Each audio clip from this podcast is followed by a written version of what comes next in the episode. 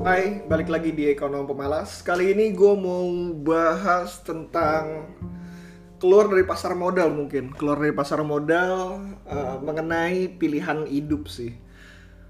Uh, gimana ya? Zaman dulu tuh waktu pas gue kuliah S1, gue ngerasa bahwa gue kuliah S1 di tempat yang salah.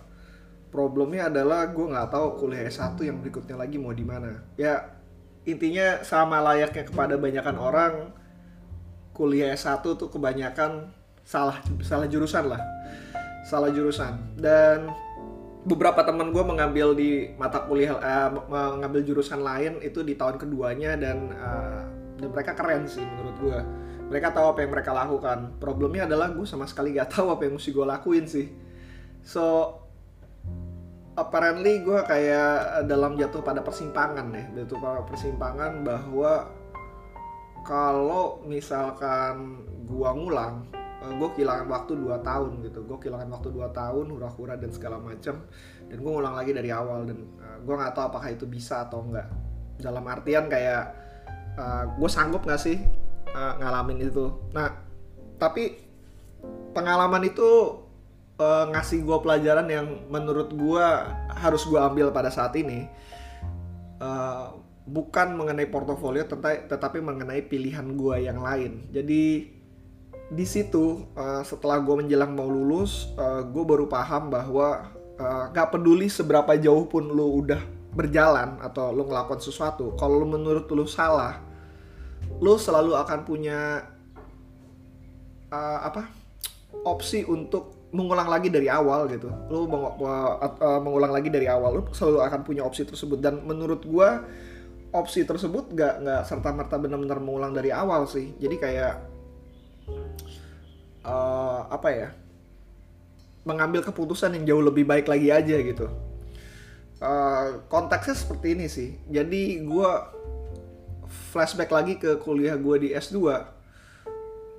gua uh, dosen gue waktu itu membahas tentang Dan Ariely uh, Thinking Fast and Slow dan uh, di buku tersebut gue lupa di buku tersebut atau bukan ya tapi dosen gue membahas seperti ini sih ini yang paling menarik.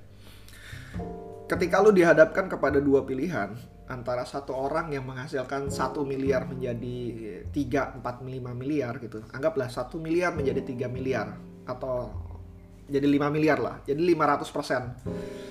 Uh, dan di sisi lain ada orang yang punya uh, uang 100 miliar, terus akhirnya uh, dia hanya tersisa karena salah investasi atau apa pun itu, dia tersisa tinggal 70 miliar doang.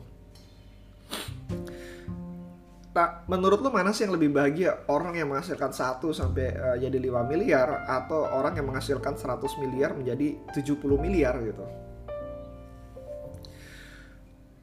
kebanyakan dari kita termasuk gue waktu itu membahas bahwa akan jauh lebih bahagia kalau misalkan orang-orang tersebut uh, dapat 1 sampai menjadi 5 miliar ya karena dia naik 500% gila men. Sedangkan orang yang drop dari 100 miliar menjadi 70 miliar ya stres karena kehilangan 30 miliar ini tuh banyak banget gitu. Itu kayak enam kalinya dari uh, aset yang dipunyai orang-orang yang pertama gitu. Setelah dia profit 4 miliar tadi gitu. Uh, yang jadi masalah adalah bukan jadi masalah sih, yang jadi perdebatan adalah bahwa orang yang punya aset 5 miliar itu nggak jauh lebih kaya dibanding orang yang punya aset 3, 70 miliar gitu, 70 miliar. Tapi karena satu momen tertentu, satu momen tersebut di mana yang satu untung besar sekali, yang satu uh, apa kehilang banyak cukup banyak uang, yang walaupun dihitung dalam presentasi nggak nggak terlalu besar gitu ya menyebabkan uh, apa ya menyebabkan terjadinya uh, gejolak dalam uh, perasaan gitulah gejolak dalam perasaan. Uh, ya itu itu yang terjadi pada saat uh, gua saat ini di mana gue ngerasa bahwa uh, dengan pencapaian gue sebenarnya gue udah cukup jalan berjalan cukup jauh ya. Uh, ini kita ngomongin konteks di luar portofolio juga gitu sama halnya dengan porto balik lagi dengan portofolio juga portofolio kalian dan segala macam uh, kalau misalkan terjadi kerugian apa yang harus dilakukan? Apakah harus cut loss atau segala macam atau uh, realign dengan apa yang kalian ketahui? Tapi yang mau gue share di sini adalah bahwa sejauh apa pun kalian salah uh, perhatikan perjalanan ini juga bahwa perjalanan kalian tuh untuk sampai ke tempat yang kalian uh, apa uh, saat ini itu tuh cukup panjang dan lama gitu. Dan kalau misalkan menurut kalian wah gila men tempat gue salah banget gitu. Bahwa gue dalam posisi yang benar-benar salah saat ini seharusnya gue ngambil keputusan yang ini. Kayak 3, 4 sampai 5 tahun yang lalu gue rasa akan selalu ada uh, keputusan atau apa selalu akan ada opsi, tersebut akan selalu ada. Dan banyak sekali opsi tersebut benar-benar ada ya kecuali kalian ngambil keputusan yang benar-benar nggak bisa dirubah gitu. Tapi kalau misalkan sekedar untuk merubah misalkan kayaknya gue harus kuliah lagi deh atau uh, harusnya gue kuliah 5-6 tahun yang lalu ataupun uh, eh, gue harus rebalancing portofolio gue sekarang karena menurut gue uh, komposisinya jelek banget gitu. Do it lakuin aja gitu. Lakuin aja karena menurut gue kalian jauh lebih baik dibanding mungkin 7 sampai 10 tahun yang lalu. Dan keputusan kalian saat ini untuk merubah hal tersebut merupakan keputusan hasil dari uh, yang namanya proses pembelajaran kalian. Uh, bukan berarti 7-8 tahun lalu uh, tidak dimungkinkan sih tap, uh, tapi keputusan itu baru bisa dibuat 7-8 tahun kemudian gitu Kenapa? Karena itu hasil akumulasi dari apa yang kalian dapatkan. Pada waktu itu kalian nggak punya yang namanya convictions untuk melakukan hal tersebut.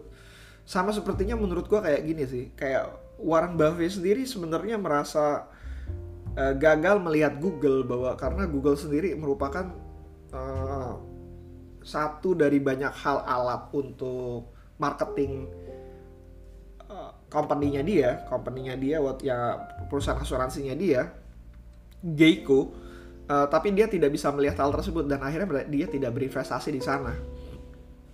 Uh, sama halnya kayak Apple. Uh, mungkin menurut gue di banyak perusahaannya dia sudah banyak yang menggunakan Apple tapi dia tidak melihat hal tersebut. Uh, akhirnya yang melihat adalah uh, investor investor manajernya uh, war, salah satu investor manajernya Warren Buffett manajemen investasi ya manajer ya itulah ada orang investmentnya Warren Buffett salah satu dari tiga orang tersebut uh, akhirnya mengambil sebagian kecil uh, mungkin bisa meyakinkan uh, Warren Buffett juga untuk mengambil porsi yang cukup besar juga. Uh, bisa dilihat bahwa Warren Buffett dari Apple uh, uh, Apple uh, Apple pertama kali keluar sampai sekarang dia baru berinvestasi ketika perusahaannya sudah multi billion dollar gitu multi trillion bahkan.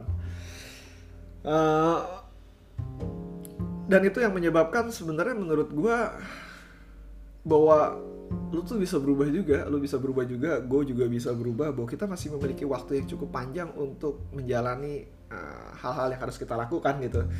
Jauh lebih baik terlambat dibanding kecepatan, dan jauh lebih baik juga untuk memulai dalam keadaan terlambat dibanding nggak sama sekali sih. Uh, itu tambahan dari kalimat yang gue punya beberapa bulan terakhir. So, best of luck sama apa pun yang kalian lakukan. Uh, kalau ada pertanyaan mau diskusi dan segala macam bisa ke bayutabusala@gmail.com atau di Instagram gue DM aja di bayutabusala. See you again next time. Bye.